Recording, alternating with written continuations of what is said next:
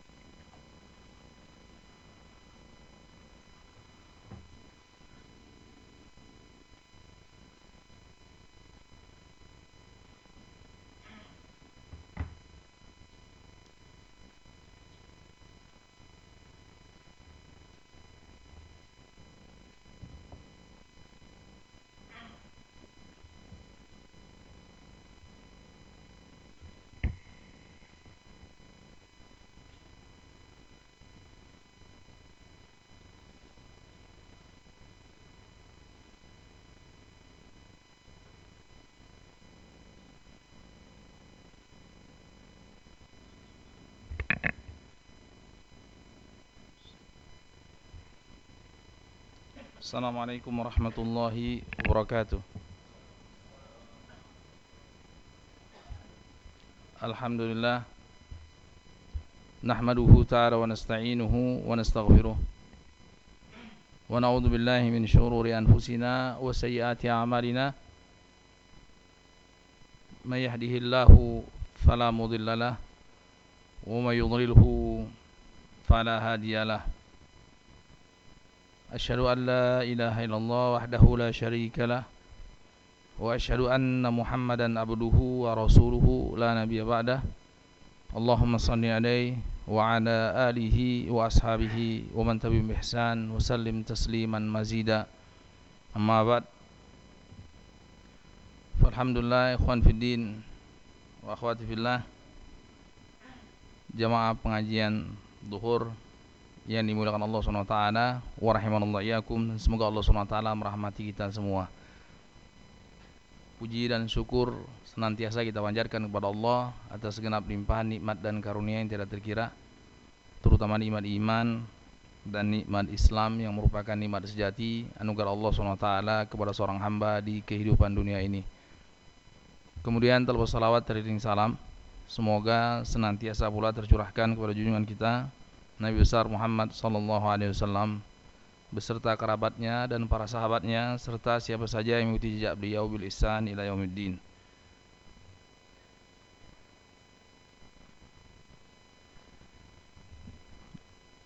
Ikhwan fi din wa akhwati fillah. Allah Subhanahu wa taala memiliki nama Al-Hamid.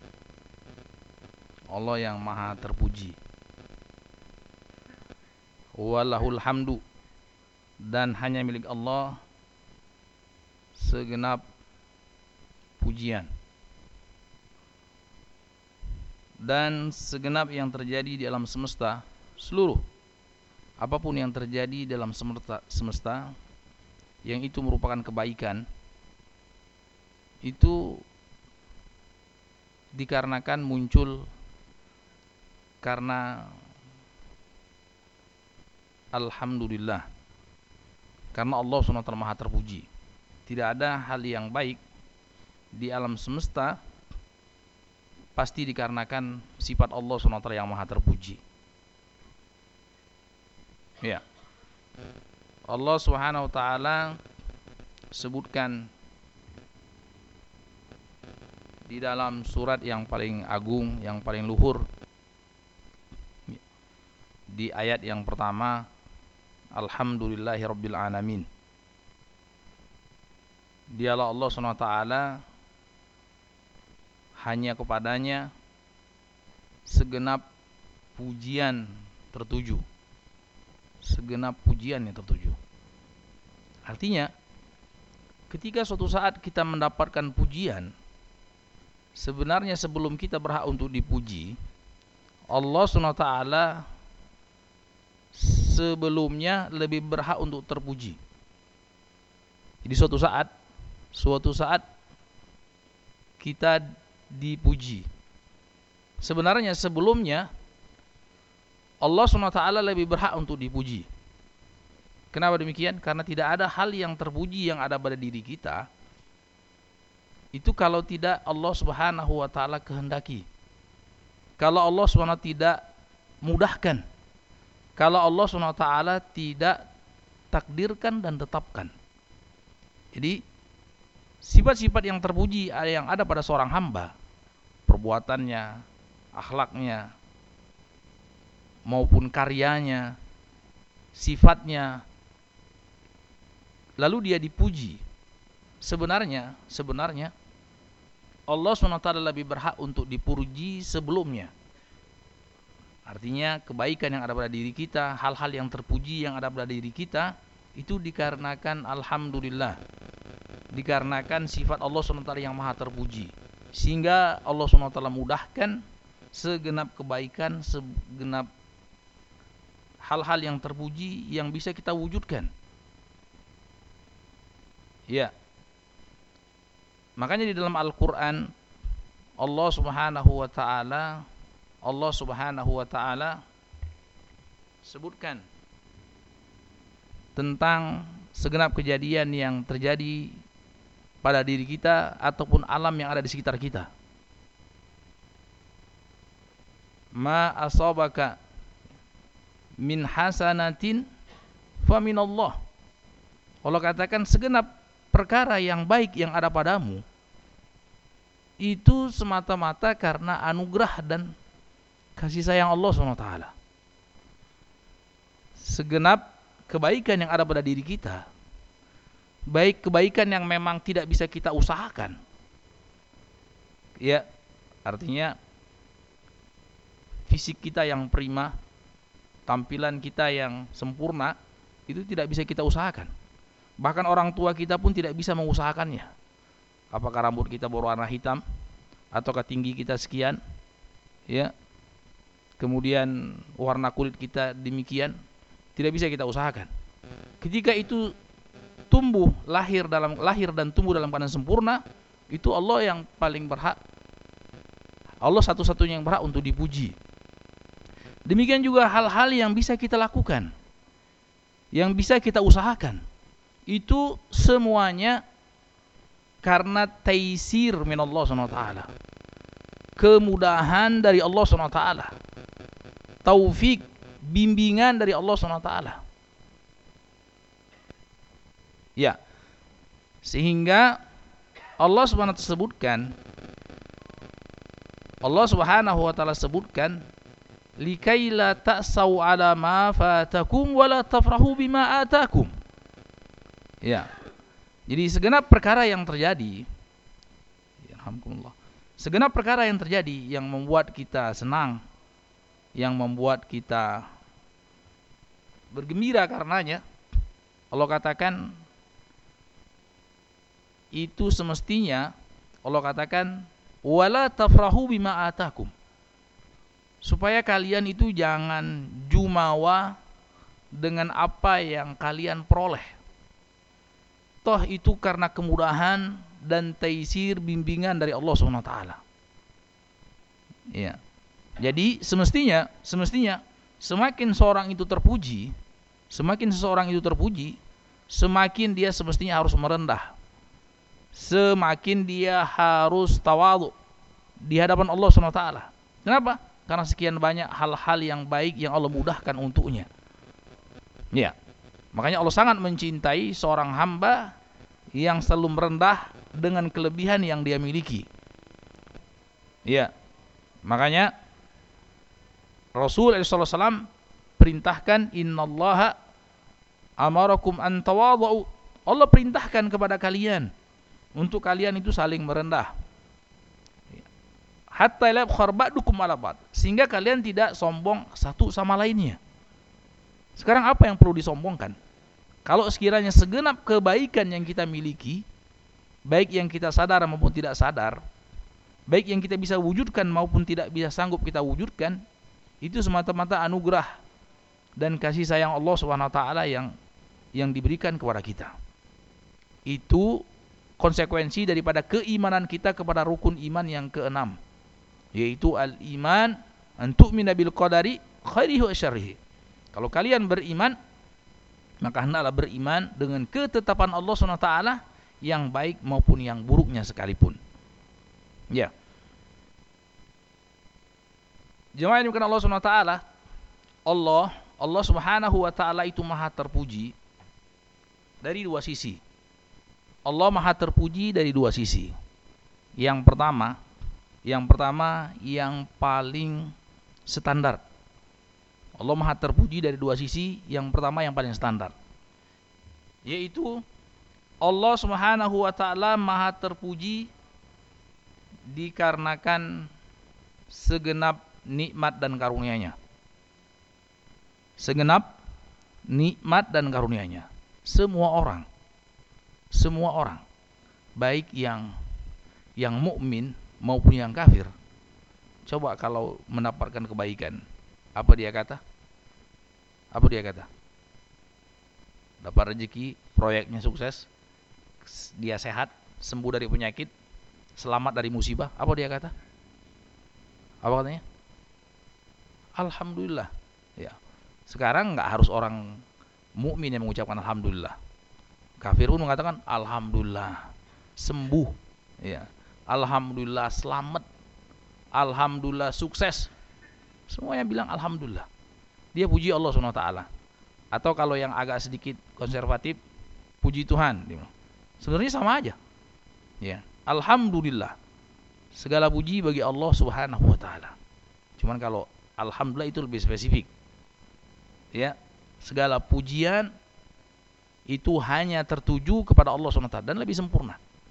Alhamdulillah itu segenap pujian yang tertuju kepada Allah SWT. Ini yang paling standar. Semua makhluk, baik yang beriman maupun yang tidak beriman, itu akan bisa merasakan kebaikan, kebaikan. Dia akan puji Allah SWT. Dia akan puji Allah SWT. Fitrahnya, ini fitrah. Ini fitrah. Hal yang sangat fitrah. Manusia dengan akal yang paling standar, dengan akal yang paling standar, akan sadar bahwasanya dia adalah makhluk. Ada sosok yang menciptakannya, yaitu Allah Subhanahu wa taala. Dengan akal yang paling standar. Ya. Kalau sudah jadi ateis itu akalnya sudah tidak standar lagi. Ya, akal yang paling standar. Kenapa? Segala sesuatu yang ada pasti ada yang mewujudkannya. Tidak ada yang ada di dalam dunia ini yang dia bisa mengadakan dirinya sendiri, tidak ada. Pasti ada yang mewujudkan. Pasti ada yang mengadakannya yang mewujudkannya. Tidak ada yang rapi di dunia ini, pasti ada yang merapikannya. Tidak ada yang teratur di dunia ini, pasti ada yang mengaturnya. Allah katakan wa fi anfusikum afala tubsirun. Enggak usah jauh-jauh. Allah katakan wa fi anfusikum afala tubsirun. Pada diri kalian, kenapa kalian tidak mau mengambil pelajaran? Kenapa kalian tidak bisa berdalil dengan apa yang terjadi dalam tubuh kalian akan kebesaran Allah SWT? Ya, segenap ya organ-organ yang sempurna organ pencernaan, organ penglihatan, organ pendengaran itu kan sangat-sangat kompleks. Ya, sangat-sangat detail. Tidak ada yang bisa membuat satu jenis organ dia rekayasa sendiri tidak ada. Yang demikian, yang demikian ini anugerah Allah SWT. Itu akan mengarahkan kepada bahwasanya hanya Allah SWT yang menetapkannya. Hanya Allah SWT yang mengaturnya. Hanya Allah SWT yang maha terpuji akan segenap kesempurnaan situ. Ini yang standar. Jadi Allah maha terpuji karena Allah SWT maha memberikan nikmat. Maha memberikan kebaikan. Ya, maha memudahkan. Ya, maha menyembuhkan. Maha memberikan rezeki.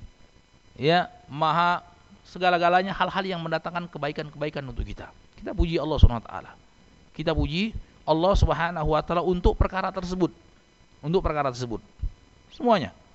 Ini namanya alhamdulillah lillahi identik dengan asyukru lillah. Jadi alhamdulillah dengan asyukru lillah. Ini identik dalam kasus ini. Kasus apa? Dalam masalah apa? Bahwasanya Allah Maha terpuji dari semua sisi yang itu merupakan kebaikan yang ada pada seorang hamba. Ya, Allah Maha terpuji dari sisi adanya kebaikan yang ada pada kita. Adanya kenikmatan yang ada pada kita, itu Allah Maha terpuji baik kenikmatan yang umum sifatnya maupun kenikmatan yang khusus. Kenikmatan yang umum apa? Kenikmatan yang didapatkan oleh setiap makhluknya yang berakal maupun tidak berakal. Ya, diberikan kesehatan yang namanya sehat itu makhluk yang berakal maupun tidak berakal dapat. Iya kan? Iya. Namanya bisa menghidup udara segar itu nikmat yang luar biasa. Baik makhluk tersebut berakal maupun tidak berakal dapat Ya. Yang tidak berakal nggak usah mikir capek-capek bagaimana bisa bernapas. Bisa. Ya. Kemudian yang berikutnya seluruh kenikmatan yang berkaitan dengan fisik, seluruh kenikmatan yang berkaitan dengan fisik ini namanya kenikmatan yang amah, nikmat yang umum. Allah Maha terpuji karenanya. Allah Maha terpuji karenanya. Berikut nikmat yang berkaitan dengan akal yang membedakan kita dengan binatang ya. Ini juga nikmat yang masih umum sifatnya. Karena bukan cuman bukan cuman orang mukmin yang dapat akal.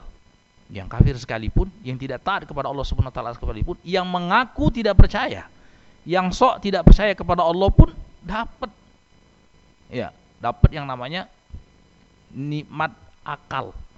Sehingga dia bisa memilah yang baik maupun yang buruk. Yang yang baik maupun yang buruk. Ya. Ini umum masih. Semua yang berkaitan dengan kenikmatan fisik itu nikmat yang umum. Ada nikmat yang khusus. Nikmat yang khusus ini yang Allah sebutkan di setiap sholat kita. Di surat Al-Fatihah. Ya ihdinas siratal mustaqim siratal ladzi na an'amta alaihim. Ya. ya Allah anugerahkanlah kepada kami hidayah kepada jalan yang lurus. Artinya tunjukilah dan bimbinglah kami sekaligus kepada jalan yang lurus. Apa jalan yang lurus? Jalannya orang-orang yang engkau beri nikmat, ya kan? Siratal ladzina an'amta alaihim. Jalannya orang-orang yang engkau beri nikmat. Ghairil maghdubi alaihim waladhdallin. Bukan jalan-jalan orang yang tidak engkau beri nikmat dari kalangan orang-orang yang engkau murkai ataupun orang-orang yang tersesat. Ya, lihat di sini. Allah katakan Allah tuntun kita, ya Allah anugerahkanlah kepada kami hidayahmu, petunjuk dan taufikmu. Agar kami bisa berada di atas siratal mustaqim. Apa itu siratal mustaqim?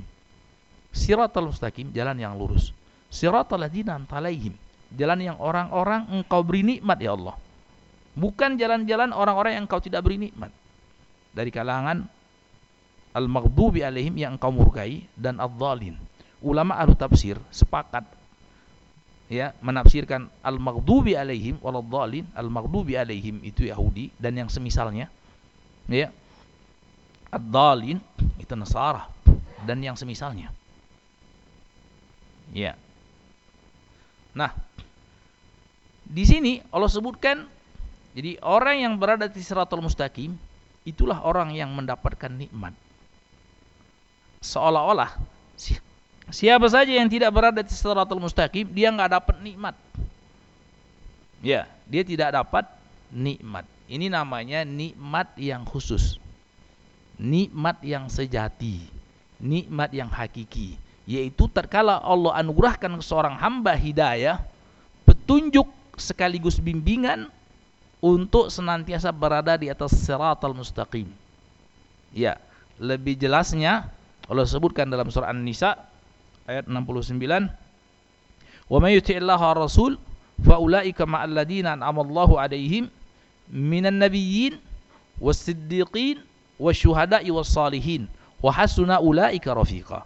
Barang siapa yang taat kepada Allah dan Rasulnya Barang siapa yang taat kepada Allah dan Rasulnya Ya, barang siapa yang taat kepada Allah dan Rasulnya Maka mereka lah yang kami akan kelompokkan Orang-orang yang kami kelompokkan, kami gabungkan bersama orang-orang yang kami beri nikmat. Iya. Siapa mereka kata Allah? Minan nabiyyin wasiddiqin wasyuhada wasalihin. Dari kalangan para nabi dan pengikutnya. Entah itu siddiqin, entah itu syuhada, entah itu salihin. Jadi dalam dua ayat tersebut di Al-Fatihah maupun di An-Nisa tersebut menunjukkan nikmat yang sebenarnya tatkala Allah berikan hidayah kepada seorang hamba berupa petunjuk sekaligus bimbingan untuk berada di atas siratal mustaqim. Siapa mereka yang di atas siratal mustaqim itu para nabi dan pengikutnya. Ya, sedik, dari kalangan sedikin, syuhada dan salihin. Nah, ini adalah nikmat yang sebenarnya. Nah, dua nikmat tersebut, baik nikmat yang umum maupun nikmat yang khusus. Nikmat yang umum maupun nikmat yang khusus. Kalau nikmat yang khusus cuma untuk orang-orang yang beriman. Iya. Orang yang mendapatkan iman dan Islam itu nikmat yang khusus. Nikmat yang umum, nikmat yang berkaitan dengan kebendaan fisik, kenyamanan fisik ataupun materi. Ini nikmat yang umum, bahkan makhluk yang tidak berakal pun dapat. Allah SWT maha terpuji karenanya semuanya. Sebagaimana Allah SWT maha terpuji atas nikmat yang umum, maka Allah pun terpuji atas nikmat yang khusus. Kita katakan Alhamdulillah. Alhamdulillah. Ini pula yang diikrarkan oleh penghuni sorga terkala masuk ke dalam sorga. Ya Allah tuntun mereka para penghuni sorga untuk masuk ke dalam sorga. Lalu mereka berikrar, Alhamdulillahilladzi hadana lihada wa ma kunna linahtadiya laula an hadanallah. Alhamdulillah. Segala puji bagi Allah SWT. Allah Maha terpuji. Atas apa? atas anugerah yang Allah berikan kepada kami hari ini di sorga. Alhamdulillah hadana. Allah yang berikan kami taufik. Allah yang menuntun kami. Allah yang menunjuki kami. Allah yang membimbing kami sehingga kami masuk ke dalam sorga. Wa ma kunna linahtadiya. Dan tidak mungkin kami tertuntun. Tidak mungkin kami terarahkan.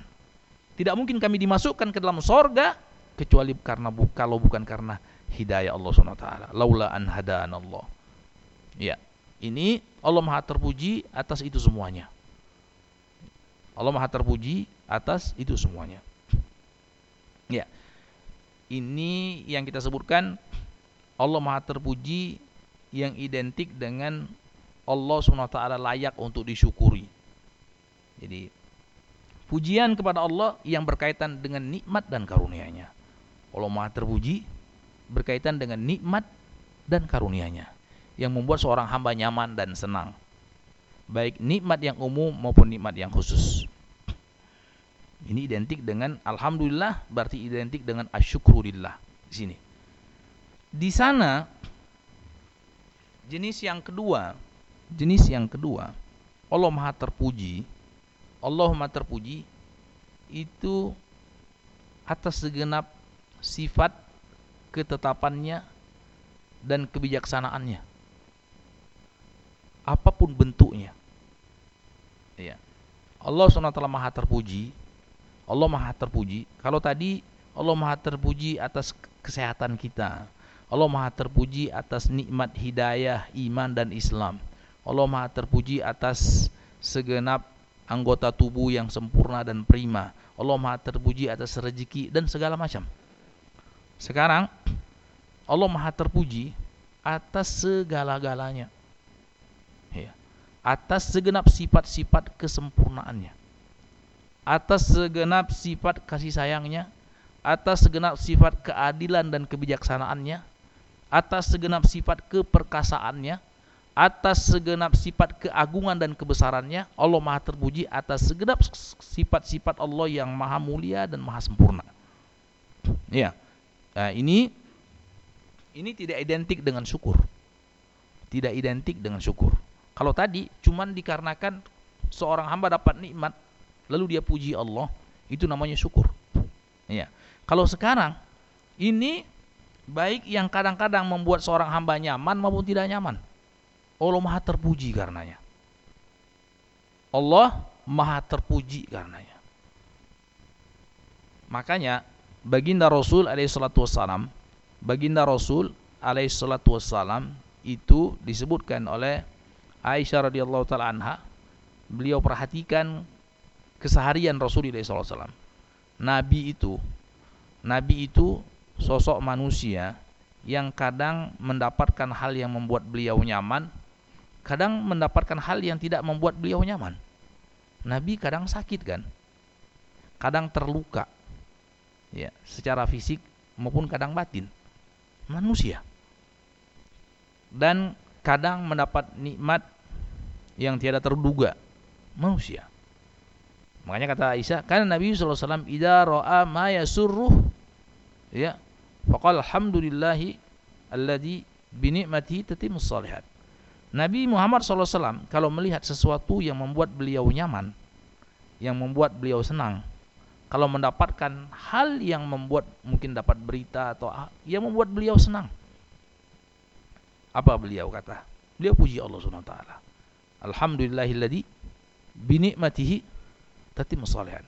Segala puji bagi Allah Subhanahu wa taala yang karena nikmat dan karunia-Nya terwujudlah segenap perkara-perkara yang baik-baik.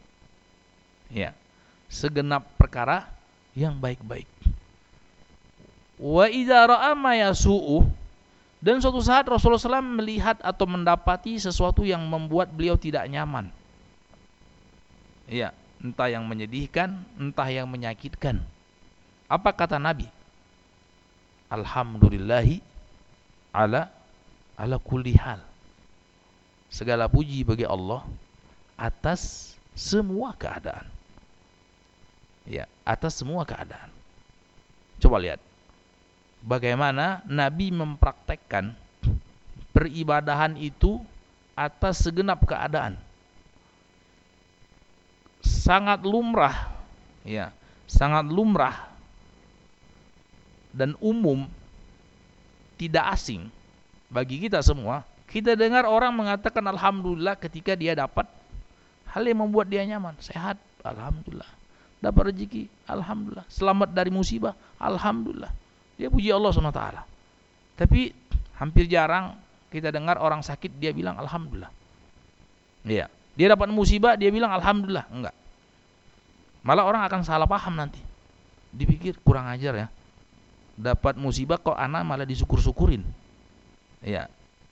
Padahal sebenarnya kalau diperhatikan dengan seksama sebagaimana petunjuk Rasul Nabi itu kalau mendapatkan hal yang membuat beliau tidak nyaman, yang menyakitkan, yang menyulitkan, yang memberatkan, yang tidak membuat enak perasaan, apa kata Nabi? Alhamdulillah, halakulihal. Segala puji bagi Allah SWT atas segenap keadaan. Ya atas segenap keadaan. Seringkali sering kali yang namanya manusia yang namanya manusia itu Allah katakan wallahu ya'lamu antum la ta'lamun. Wahai manusia kalian itu tidak tahu Allah yang maha tahu. Ya Allah katakan asa antuhibbu syai'an wa huwa syarrul lakum sering kali kalian mencintai sesuatu itu tidak baik buat kalian. Wa asa wa khairul lakum. Dan banyak kali pula kalian membenci sesuatu justru itu yang terbaik untuk kalian. Ya, kalian tidak tahu, Allah Maha tahu. Ya, kalian tidak tahu karena kita tidak tahu. Setahun dua tahun nggak usah setahun dua tahun sehari atau dua hari setelah hari ini. Tidak tahu kita kepastiannya. Wa ma tadri nafsun tidak ada yang tahu apa yang akan dia perbuat esok hari betapa banyak hal yang kita sudah planning dengan matang itu meleset ya jauh daripada target. Ya. Kenapa? Ya tadi. Karena ketetapannya di tangan Allah Subhanahu wa taala. Ketetapannya di tangan Allah Subhanahu wa taala. Nah, di sini syariat Islam menuntun kita untuk tetap berkeyakinan Allah itu maha terpuji atas segenap perkara yang sudah terjadi. Allah maha terpuji atas segenap perkara yang sudah terjadi baik yang berkaitan dengan kita ataupun berkaitan dengan alam semesta. Allah maha terpuji. Ya. Allah SWT maha terpuji. Jadi Allah maha terpuji baik yang berkaitan kita mendapat nikmat maupun yang berkaitan kita mendapatkan musibah. Allah maha terpuji. Sebenarnya itu yang terbaik untuk seorang hamba tersebut. Atau yang paling pas itu yang paling pantas untuk hamba tersebut. Allah maha adil, lagi maha kasih dan sayang. Jadi tatkala seorang hamba mendapatkan kenikmatan yang membuat dia nyaman, dia puji Allah SWT, Allah maha terpuji ya, karena rahmat dan kasih sayangnya serta keadilannya. Ya. Suatu saat seorang hamba mendapatkan hal yang membuat dia tidak nyaman, sakit, tertimpa musibah. Allah pun maha terpuji. Allah maha terpuji. Karena keadilan dan kebijaksanaannya. Karena kita yang pas memang untuk mendapatkan hal yang demikian. Ya. Itu yang paling pas. Kok bisa seperti itu?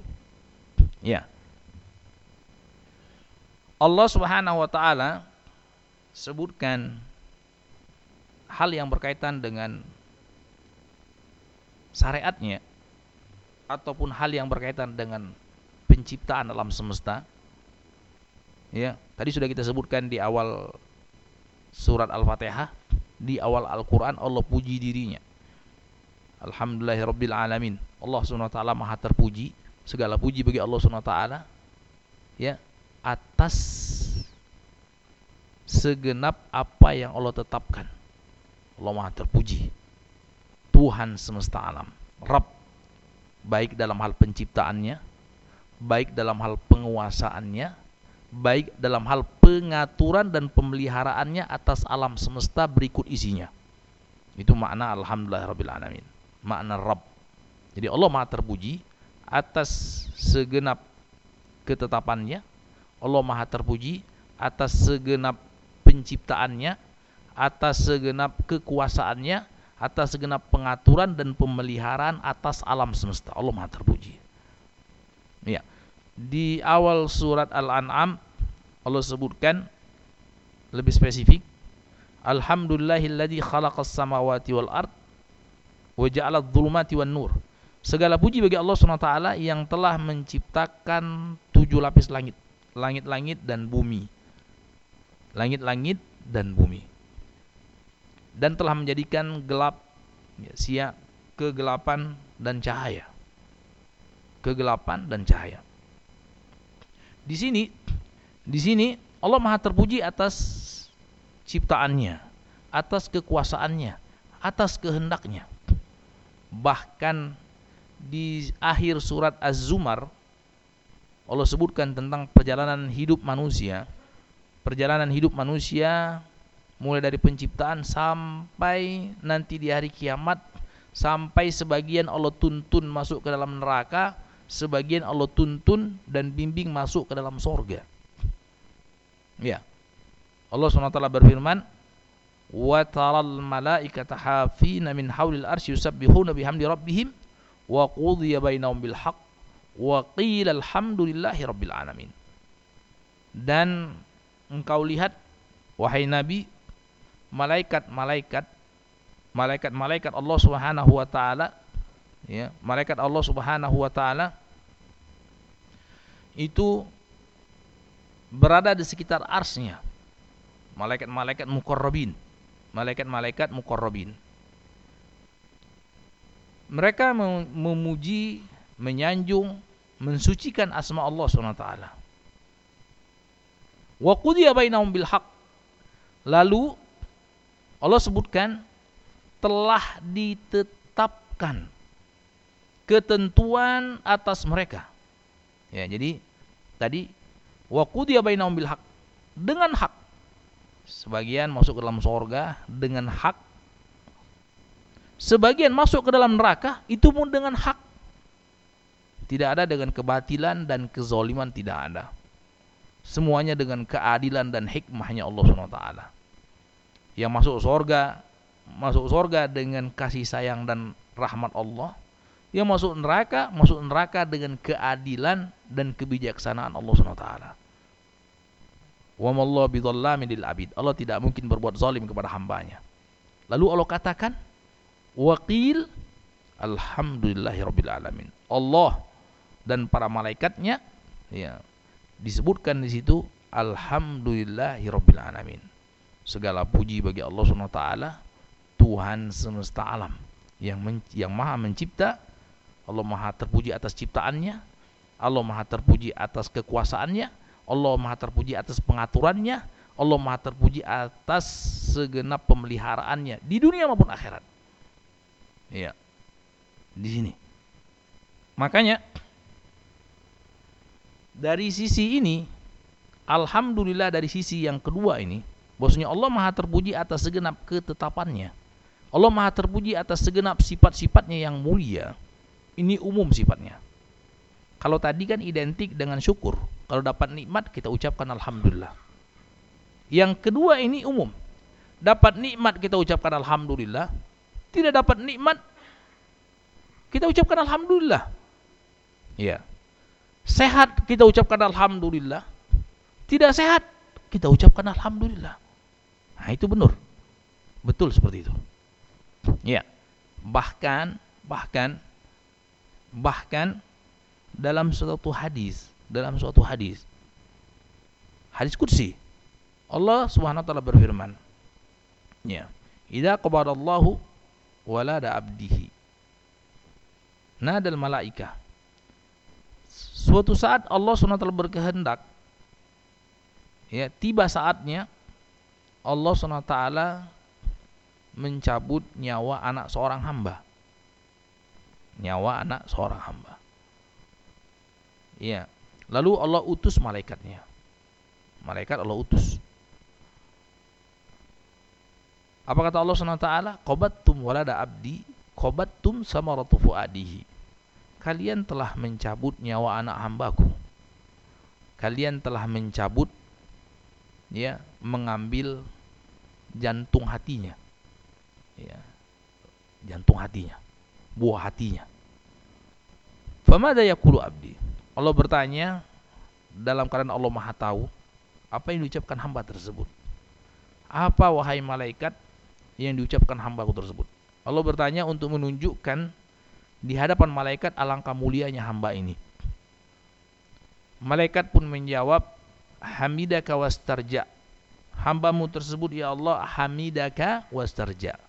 Hamidaka itu mengucapkan alhamdulillah wastarja istirja itu mengucapkan innalillahi wa inna ilaihi rajiun hambamu tersebut ya Allah hamidaka wastarja mengucapkan alhamdulillah innalillahi wa inna ilaihi rajiun. Alhamdulillah. Segala puji bagi Allah Subhanahu taala. Allah Maha terpuji atas segenap pengaturannya termasuk dalam kasus ini.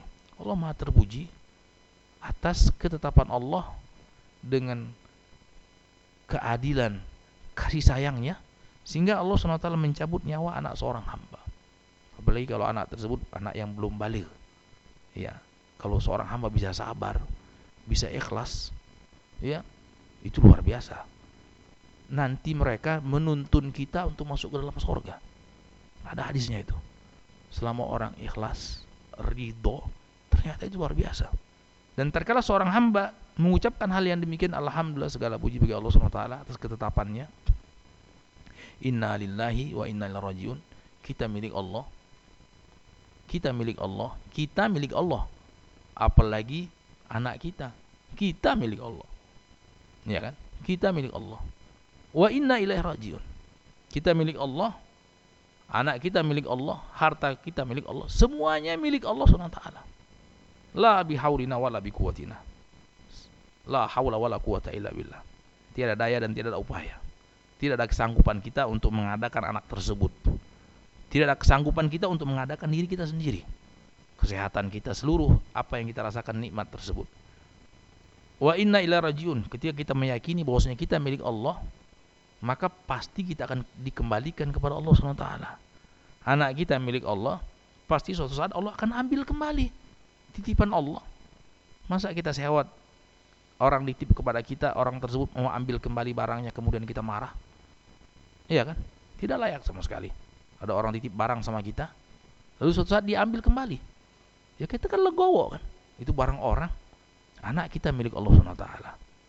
Nyawa kita milik Allah SWT. Suatu saat Allah akan ambil itu kembali dan pasti. Nah, terkala seorang hamba mengucapkan hal yang demikian, apa kata Allah SWT? Dia ridho, dia sabar, dia ikhlas, ya, dia puji Allah SWT. Maka Allah SWT berfirman, Abnu li abdi baitan fil jannah, wasammu lahu baital hamd. Karena itu, wahai para malaikatku, kalian sudah saksikan betapa mulianya hamba ini, Abnu li abdi baitan fil jannah maka segeralah kalian bangunkan istana di sorga baginya. Istana di sorga. Istana di sorga baginya. Dan berilah nama istana itu dengan nama nggak tahu dikasihnya di ditempel atau di mana. Pokoknya itu orang sorga tahu itu istana namanya Baitul Hamd. Istana Baitul Hamd. Istana bagi orang yang menyanjung Allah, memuji Allah atas segenap keadaan Ya, bukan hal yang membuat dia nyaman saja, hal yang menyakitkan sekalipun dia puji Allah SWT. Dia ikhlas atas ketetapan Allah SWT. Tidak ada hal yang paling menyayat hati katanya itu dibandingkan meninggal meninggalnya anak tercinta. Itu hal yang paling menyayat hati. Sehingga Allah sebutkan dalam hal ini. Hal yang paling menyakitkan sekalipun. Hal yang sangat membuat pilu hati itu meninggal anak yang tercinta. Tapi lihat orang ini, dia ikhlas, ya. dia ridho, dia sabar atas ketetapan Allah swt. Dia harapkan anugerah dan kasih sayang Allah swt. Ya, mungkin ikhwan fiddin, itu belum lagi dari sisi, belum lagi itu dari pengangkatan derajat. Dari sisi pengangkatan derajat. Sebenarnya kita nggak usah terlalu muluk-muluk untuk bagaimana diangkat derajat di sisi Allah swt minimal diampunkan dosa itu sudah luar biasa. Iya kan? Nggak usah muluk-muluk pingin pingin hal-hal yang tinggi sampai sederajat para nabi, nggak usah muluk-muluk. Selamat dari neraka alhamdulillah. Iya kan? Tidak mungkin orang bisa masuk surga selamat dari neraka kecuali dengan pengampunan dosa. Kecuali dengan pengampunan dosa. Dan semua yang menimpa seorang hamba yang membuat dia tidak nyaman kalau dilalui dengan ikhlas dilalui dengan sabar dan ridho itu sudah pasti mengampunkan dosa. Rasul itu SAW bersabda, "Ma yusibul muslim, ma yusibul muslim." Ya lihat. Kata Rasul, tidaklah menimpa seorang hamba yang muslim. Harus muslim. Ya, min nasabin wala wasabin wala hammin wala ghammin wala adan hatta syaukatu yushakuha illa kaffarallahu bihi min khati'ah. Tidaklah menimpa seorang muslim min nasabin. Hal yang membuat dia capek. Hal yang membuat dia sakit. Ya. Hal yang membuat dia gundah gulana hal yang membuat dia sedih. Hal yang membuat dia sesak. Ya. Bahkan ada kadang-kadang ada orang menyakiti kita baik sengaja maupun tidak sengaja. Ya, baik sengaja ataupun tidak sengaja. Hatta syaukatu. Sampai kadang-kadang kata Nabi, kadang-kadang kaki kita terinjak duri, tergores, luka. Ya. Niscaya kalau hamba tersebut sabar, ikhlas, ridho, niscaya Allah SWT akan ampunkan dosa-dosanya. Ya, nggak ada anugerah yang lebih lebih sempurna, lebih luas dibandingkan pengampunan dosa. Seorang tidak bisa masuk surga tanpa pengampunan dosa. Seorang tidak bisa mengandalkan amalannya untuk masuk surga. Tapi seorang bisa masuk surga semata-mata dengan kasih sayang dan pengampunan dosa. Ya, nggak capek-capek kita minta ampun dosa, ya. Tapi Allah kirimkan musibah kepada kita. Lihat dengan kacamata ya yang menerawang jauh. Ya. Lihat dengan dengan hati nurani. Maksudnya di balik musibah ini ada kenikmatan yang sangat luar biasa. Selama kita beriman, selama kita muslim, selama kita mukmin, selama kita sabar, selama kita ridho, itu luar biasa. Ya, itu luar biasa. Jemaah yang Allah Subhanahu wa taala, ya, ini menunjukkan bahwasanya Allah Subhanahu wa taala Maha terpuji dari semua sisi. Allah Maha terpuji dari semua sisi. Allah Maha terpuji karena hal-hal yang membuat kita nyaman.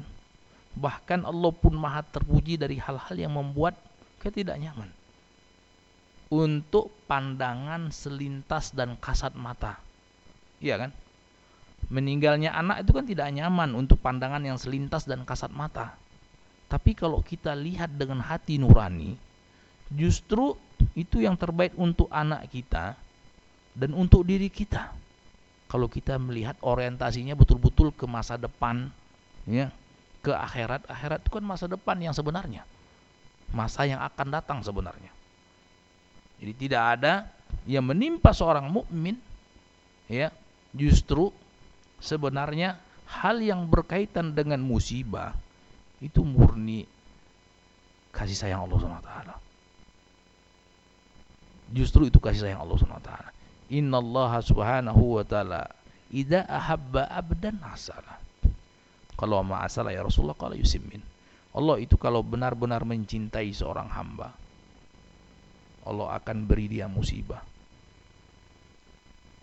Coba lihat. Allah akan beri dia musibah. Supaya apa? Supaya dosa-dosanya diampunkan. Seringkali kita lupa bahwasanya setiap hari kita pasti berdosa dan dosa kita pasti lebih banyak daripada amal ibadah kita. Seringkali kita tidak maksimal dalam memohon ampunan. Nah, ketika Allah beri musibah, kalau Allah cinta seorang hamba, Allah kasih musibah pasti. Allah SWT kasih musibah. Makanya kata Nabi, Inna dan nasi balaan al-anbiya tumal fal.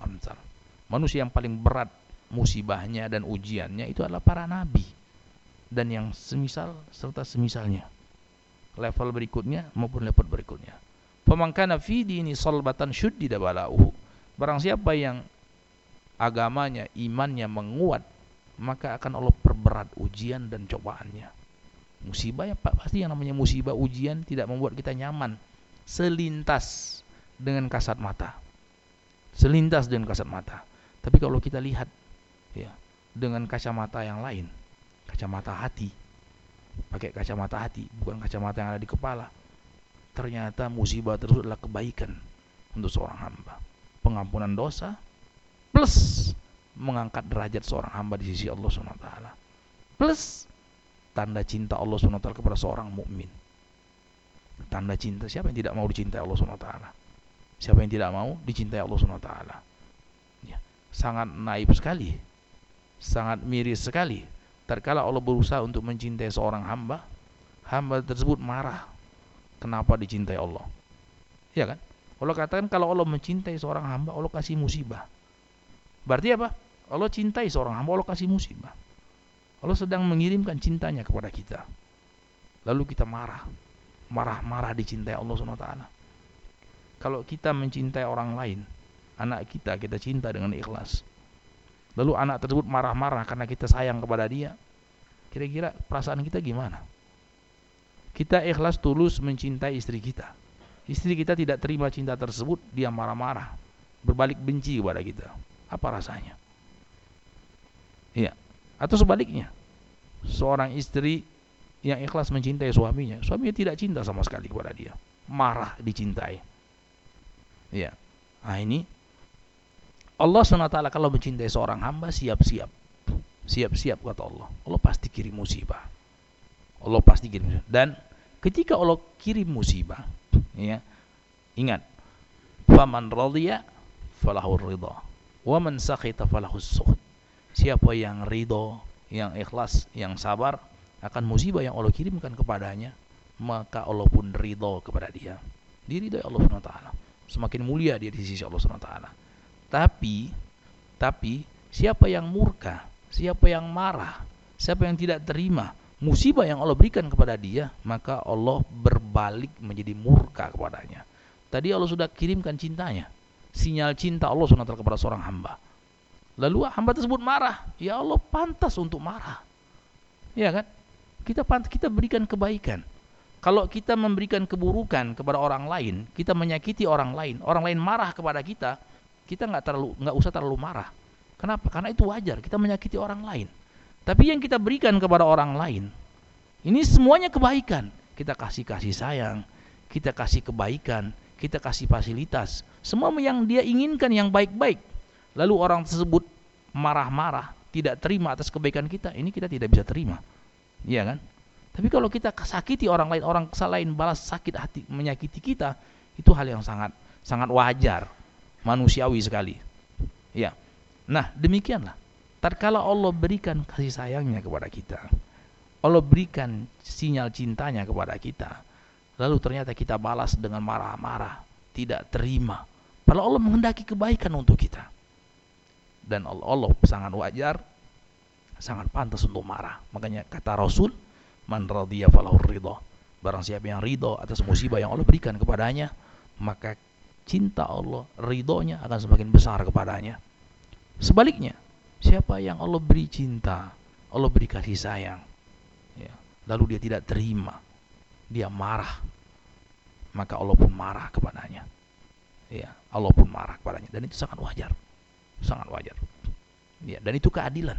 Keadilan dari Allah Subhanahu wa taala Allah SWT sangat sebagaimana Allah memiliki sifat kasih sayang. Allah juga memiliki sifat maha adil. Allah juga memiliki sifat murka. Walaupun sifat kasih sayang Allah lebih dominan atas murkanya. Buktinya setiap hari kita lihat manusia bermaksiat di hadapan Allah SWT kita dan orang sekitar kita bermaksiat kepada Allah. Tapi kasih sayang Allah lebih dominan. Allah kasih tangguh. Barangkali hamba mau bertobat. Barangkali hamba mau insaf kapan tibanya untuk kembali kepada Allah Allah kasih tangguh terus bermaksiat terus. Tetap Allah tahan. Tidak langsung Allah beri azab. Tidak Allah langsung tutup pintu hatinya. Allah kasih kesempatan. Kata Nabi Inna Allah yakbaru taubatal abdi malam yughargir Allah akan senantiasa menerima taubat seorang hambanya selama nyawa belum sampai ke kerongkongan. Ya sebelum sakratul maut. Kasih sayang Allah SWT akan masih sempat menghampiri seorang hamba. Apa pun dosa yang dia lakukan betapapun durhakanya di hadapan Allah SWT selama roh belum sampai ke kerongkongan sebelum dicabut oleh malaikat maut selama itu pula kasih sayang Allah SWT akan menghampiri seorang hamba. Pintu taubat akan dibuka selebar-lebarnya. Ya, selama roh belum sampai ke kerongkongan. Atau kata Nabi dalam hadis yang lain malam takrubisham malam tatul isyam min maghribiha. Atau sampai suatu saat sebelum matahari terbit dari ufuk barat. Jadi nanti di hari kiamat, tanda hari kiamat salah satu tandanya matahari terbit dari ufuk barat. Ketika itu kata Nabi tidak ada manfaat lagi orang baru beriman, tidak ada manfaat lagi orang baru bertobat ketika itu. Karena semua orang sudah beriman, tapi keimanan yang terlambat. Ya. Makanya Khan Fiddin, dari sini kita paham Kenapa Allah SWT itu maha terpuji atas segala-galanya. Allah SWT maha sempurna atas segenap apa yang Allah tetapkan.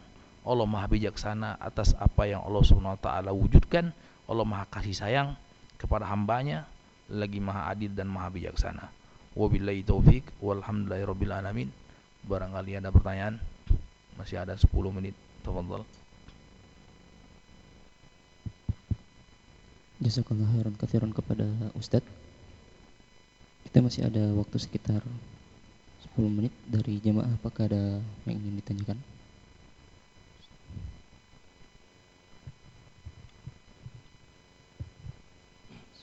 Assalamualaikum warahmatullahi wabarakatuh. Waalaikumsalam warahmatullahi wabarakatuh. Uh, Ustadz saya ada titipan pertanyaan. Ya. Yaitu Ada empat hadis yang yang terkait yaitu yang pertama Rasulullah Shallallahu Alaihi Wasallam bersabda seandainya kalian betul-betul bertakwa pada Allah sungguh Allah akan memberikan kalian rizki sebagaimana burung mendapatkan rizki. Burung tersebut pergi pada pagi hari dalam keadaan lapar dan kembali sore harinya dalam keadaan kenyang. Hadis riwayat Ahmad Tirmizi dan Ibnu Majah. Yang kedua Hadis Rasulullah Shallallahu Alaihi Wasallam bersabda, demi Allah tidaklah dunia dibandingkan akhirat kecuali seperti seseorang dari kalian mencelupkan jarinya ke laut, maka lihatlah apa yang tersisa di jarinya jika ia keluarkan dari laut. hadis riwayat, riwayat Muslim.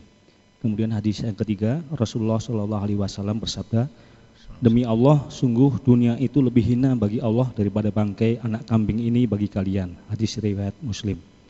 Dan hadis yang keempat, Rasulullah Shallallahu Alaihi Wasallam bersabda, seandainya dunia di sisi Allah sebanding dengan satu sayap nyamuk, niscaya Allah tidak akan memberikan minum seteguk air kepada orang kafir.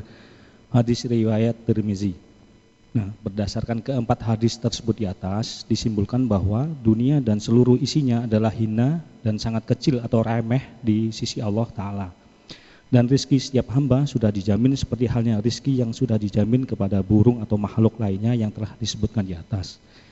Pertanyaannya adalah, apa hikmah dari seorang hamba yang ternyata ditakdirkan oleh Allah menjadi seorang yang miskin sehingga serba kekurangan, bahkan untuk memenuhi hajat hidupnya saja yang mendasar seperti memperoleh makanan yang layak atau baik dan frekuensi makan yang cukup dalam satu hari saja ia mengalami kesulitan sehingga si hamba tersebut terpaksa harus meminta-minta.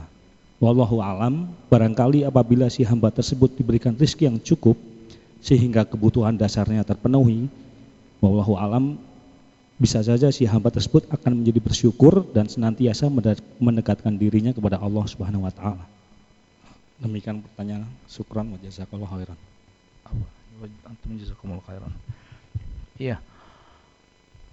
Uh, ini bicara pertanyaannya tentang hikmah. Ya. Tentang hikmah apa dibalik kemiskinan seorang hamba. Cuman ada ada hal yang mengganjal. Dia terjatuh miskin tapi dia tidak sabar karena dia minta-minta. Iya. Minta-minta kalau sudah dijadikan profesi itu hal yang sangat tercela dan itu dosa besar. Ya. Kata Rasulullah SAW, "Wala yazalu su'al fi wajhi adikum hatta yalqallahu subhanahu wa ta'ala wa laisa fi wajhihi lahmatun." Ya, fi wajhihi lahmatun. Ya. Kata Nabi, senantiasa orang itu minta-minta, minta-minta. Ya, minta-minta dan dia, dia jadikan profesinya akhirnya sampai dia tidak emergensi lagi dia minta-minta tidak emergensi lagi tidak minta-minta karena kalau kaitannya dengan minta kan emergensi itu harus ada emergensi mati kalau tidak tidak minta terus menerus seperti itu sampai dia nanti berjumpa dengan Allah SWT tidak tersisa lagi daging jadi dia bermukanya bermuka tengkorak nanti berjumpa dengan Allah SWT di hari kiamat dibangkitkan dalam keadaan mukanya muka tengkorak orang yang suka minta-minta. Meminta-minta kata ulama takatsuran. Ya, minta bukan karena emergensi. Ya. Meminta-minta itu menodai tauhid. Karena dia tidak lagi bersandar kepada Allah, dia bersandar kepada makhluknya. Nah, sekarang ketika bicara masalah hikmah, masalah hikmah yang Allah SWT timpakan kepada orang miskin, ya, kalau sekiranya kita bicara dengan dengan konteks orang tersebut adalah orang mukmin ya mukmin lalu di, Allah SWT takdirkan dia miskin dia sudah berusaha. Dia sudah berusaha tapi tetap saja miskin. Lalu dia kona'ah merasa cukup. Ini yang paling penting. Merasa cukup. Kona'ah atas apa yang Allah SWT berikan kepadanya. Ini luar biasa. Ini kekayaan yang sebenarnya itu adalah kona'ah. Ya, kalau orang tidak pernah merasa cukup, itu nggak kaya dia. Terus lagi, terus lagi ambil sehingga apa? Tiada hari tanpa tanpa kejar. Dia target, kejar target, kejar target, dia akan kecewa kalau tidak sampai targetnya. Tapi orang yang kona'ah itu luar biasa. Maka kata Nabi, laisal ghina an kasratil arad walakinnal ghina ghina nafs. Sebenarnya kekayaan itu bukanlah kekayaan dengan berkelebihan harta akan tapi orang yang berkelebihan hati ya dia merasa cukup merasa cukup nabi nabi itu coba lihat siapa sih manusia yang paling Allah cintai Nabi Muhammad kan manusia yang paling Allah muliakan Nabi Muhammad dunia dan akhirat manusia yang paling Allah sayang Nabi Muhammad SAW ya Nabi itu kalau mau kaya, bisa kaya. Kenapa? Karena Nabi berhak dapat seperlima harta rampasan perang. Alias 20%. Iya, alias 20%. kan, kan banyak peperangan Nabi dan rata-rata Nabi menang walaupun ada yang kalah. Misalnya dalam perang Hunain, perang Hunain, Nabi Muhammad SAW, Nabi Muhammad SAW itu ketika perang Hunain dapat banyak sekali harta rampasan perang. Rasul dapat seperlimanya. 20% untuk Nabi murni dari Allah SWT. Tapi apa faktanya? Nabi kasih ada yang dikasih 100 onta, Aqra bin Habis, uh, Sufyan bin Hussein, Uyainah bin Hussein, 100 100 100 onta. Zaman dulu onta itu sama dengan sekarang kendaraan. Jadi ada orang satu satu orang dikasih kepala suku nih. Kasih 100 mobil. Pusing nggak dia? Dikasih 100 mobil antum dikasih di, di situ ada Mercy, ada BMW, ada macam-macam, 100 mobil. Nggak muat garasinya. Garasi muat cuma 2 3 mobil. Ini 100 mobil mau ditaruh di mana lagi? Buat showroom kita. Ya, ini 100 mobil dikasih sama Rasulullah. Dikasih sama Rasulullah. Tapi lihat faktanya Rasulullah SAW. Lihat faktanya Rasulullah SAW. Ya. Kata Aisyah, marrobina hilal wa hilalan wa salah satu. Kami biasa kata Aisyah kami keluarga besar Rasulullah SAW itu lewat satu bulan ya kadang-kadang lewat dua bulan kadang-kadang lewat tiga bulan itu tidak pernah masak walam yuqad tidak pernah ada api-api yang dibakar. Tidak pernah tidak pernah ngebul istilahnya. Dapur Rasulullah SAW tidak pernah ngebul.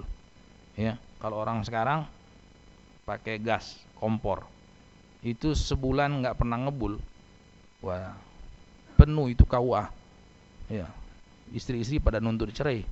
Karena ya kan ini tiga bulan nggak ada istri Rasulullah SAW mau dikasih uang berapapun tidak mungkin minta cerai dari Rasulullah SAW ya kan? Bahagia semua tiada hari tanpa bahagia. Terus makan apa? Kata Urwa bin Zubair keponakannya Aisyah. Anaknya Asma anaknya Zubair bin Awam.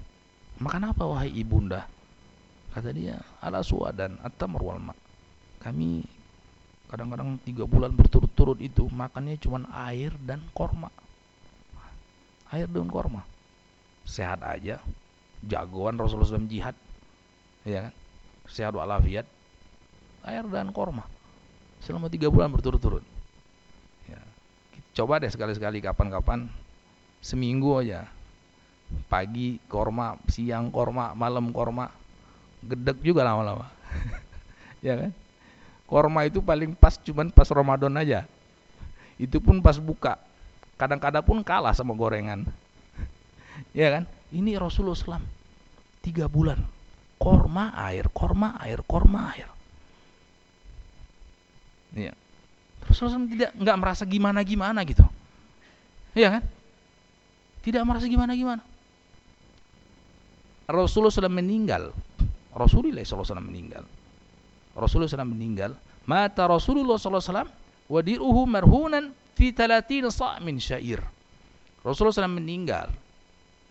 Itu baju besinya itu masih dijadikan jaminan karena Nabi beli beli tapi nggak punya uang cash belum ada uang cash Rasulullah meninggal dunia itu masih baju besinya masih dijadikan jaminan agunan. Kenapa? Karena Nabi beli cash 30 sok. 30 sok itu sekitar kisaran 60 atau 75 atau 90 karena ulama berbeda paham satu sok itu berapa kilo ada yang mengatakan 2 kilo ada yang mengatakan dua setengah ada yang mengatakan 3 ya kita katakan 60 sampai 90 kilo Nabi ngutang artinya apa? ngutang beras kalau orang kita istilahnya Nabi ngutang gandum karena makanan pokok Nabi itu gandum atau korma kalau nggak ada gandum. Nah ini Nabi SAW meninggal dunia masih ngutang beras. Sampai beras pun harus ngutang. Ya, pernah nggak seumur hidup kita kita ngutang beras? Mungkin zaman sekarang udah nggak pernah lagi dengar cerita ada orang ngutang beras. Ya, itu betul-betul sudah kalau kita pakai eh, statistik pemerintah itu miskin yang tahap apa itu? Sampai ngutang beras. Nabi ngutang beras. Ya nggak nggak ngutang sama sahabat. Kenapa sahabat nggak mau diutangin? Pasti kan? Pasti sahabat ngasih. Tapi ngutang sama orang Yahudi. Nggak juga ngutang cuma-cuma. Nabi mulia ya padahal Nabi berkuasa loh Kalau mau Nabi usir, usir aja dia orang dia tinggal izin di wilayah Rasulullah SAW.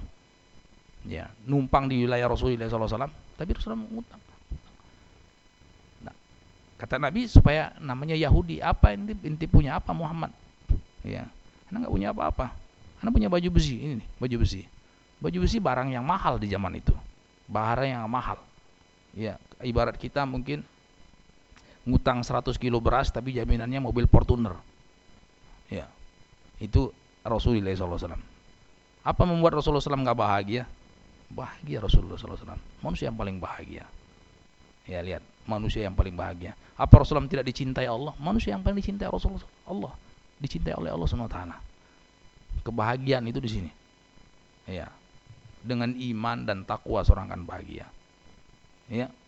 Bukan dengan dengan sisi materi maupun kesehatannya. Bukan dengan sisi materi maupun kesehatan. Jadi kalau kita lihat dengan konsep kacamata iman kacamata iman kenapa sih? Kenapa Rasulullah SAW tidak ingin seperti itu? Ya suatu saat pernah Sayyidina Umar itu soan ke Rasulullah SAW nyambangin Nabi. Nabi kan kalau Abu Bakar dan Umar ini spesial. Seringkali eh, kapan aja mau datang ke Rasulullah SAW terbuka ya Abu Bakar Umar Abu Bakar Umar. Tiba-tiba Rasulullah SAW lagi bertelekan. Ya bukan di atas permadani di atas tiker pelepah korma daun korma. Itu dianyam ya kan? Jadi tiker. Rasulullah berbaring di situ. Lihat Umar masuk Rasulullah duduk. Uh, apa namanya? Bekas tiker ngecap di punggung Rasulullah SAW Nangis Umar. Umar nangis. Dia Mayubki, kenapa nangis Umar? Ada apa? Ada masalah apa?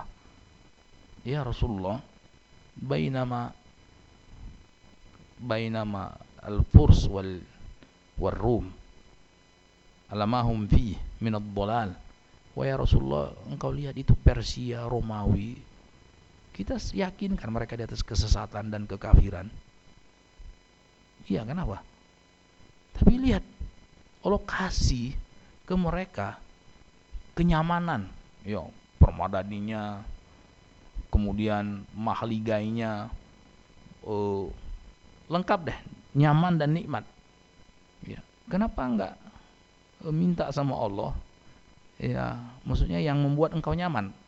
Karena sedih aja ngelihat kondisi Rasul seperti itu.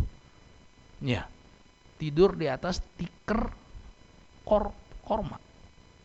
Marah Rasulullah SAW Afisyakin anta ya Ibn Khattab? Apa engkau sudah bimbang Wahai Ibn Khattab? Ama tardau? Apakah engkau tidak rela? Mereka dapat dunia Kita dapat akhirat. Mereka dapat dunia Kita dapat akhirat. Siapa sih orang zaman sekarang yang masih Masih tidur di atas tikar Susah nyarinya. Tapi Rasulullah biasa-biasa aja gitu nggak gimana-gimana Ya, tidak terus Rasulullah SAW mengajarkan. Rasulullah SAW sangat-sangat memperingatkan umatnya untuk minta-minta. Mending dia cari, dia pergi ke tengah hutan, ya, dia cari tali, kemudian dia cari kayu bakar, dia jual. Ya, siapa yang susah untuk cari kayu bakar untuk dia jual, kata Nabi. Lebih baik daripada dia bergantung kepada orang lain. Masalahnya apa? Masalahnya adalah kekayaan hati. Ya, Tatkala Allah berikan kekayaan hati kepada seorang hamba, ya, tatkala Allah berikan kelapangan hati, maka itu yang terbaik untuk seorang hamba. Itu yang terbaik untuk seorang hamba. Jadi eh, kata ulama, jadi hamba itu antara dua. Ya. Tatkala mendapat kelapangan dia bersyukur, tatkala dia mendapat kesempitan dia sabar dan ridho itu selesai sudah. Ya, selama kita hidup, berjalan hidup kita ini cuma itu aja. Nyaman kita bersyukur, sempit kita sabar dan ridho, selesai. Ya, selesai. Seperti itu. Kurang lebih begitu, Pak. Ya, itu Baik. hikmahnya. Baik, jasa kalau heran keseran kepada Ustadz atas jawabannya. Karena waktu telah menunjukkan pukul 13 lewat, mari kita cukupkan kajian hari ini dengan bersama-sama membaca doa kafaratul majelis. Subhanallah wa bihamdika asyhadu an la ilaha illa anta astaghfiruka wa atubu ilaik. Demikian wassalamualaikum warahmatullahi wabarakatuh. Waalaikumsalam warahmatullahi wabarakatuh.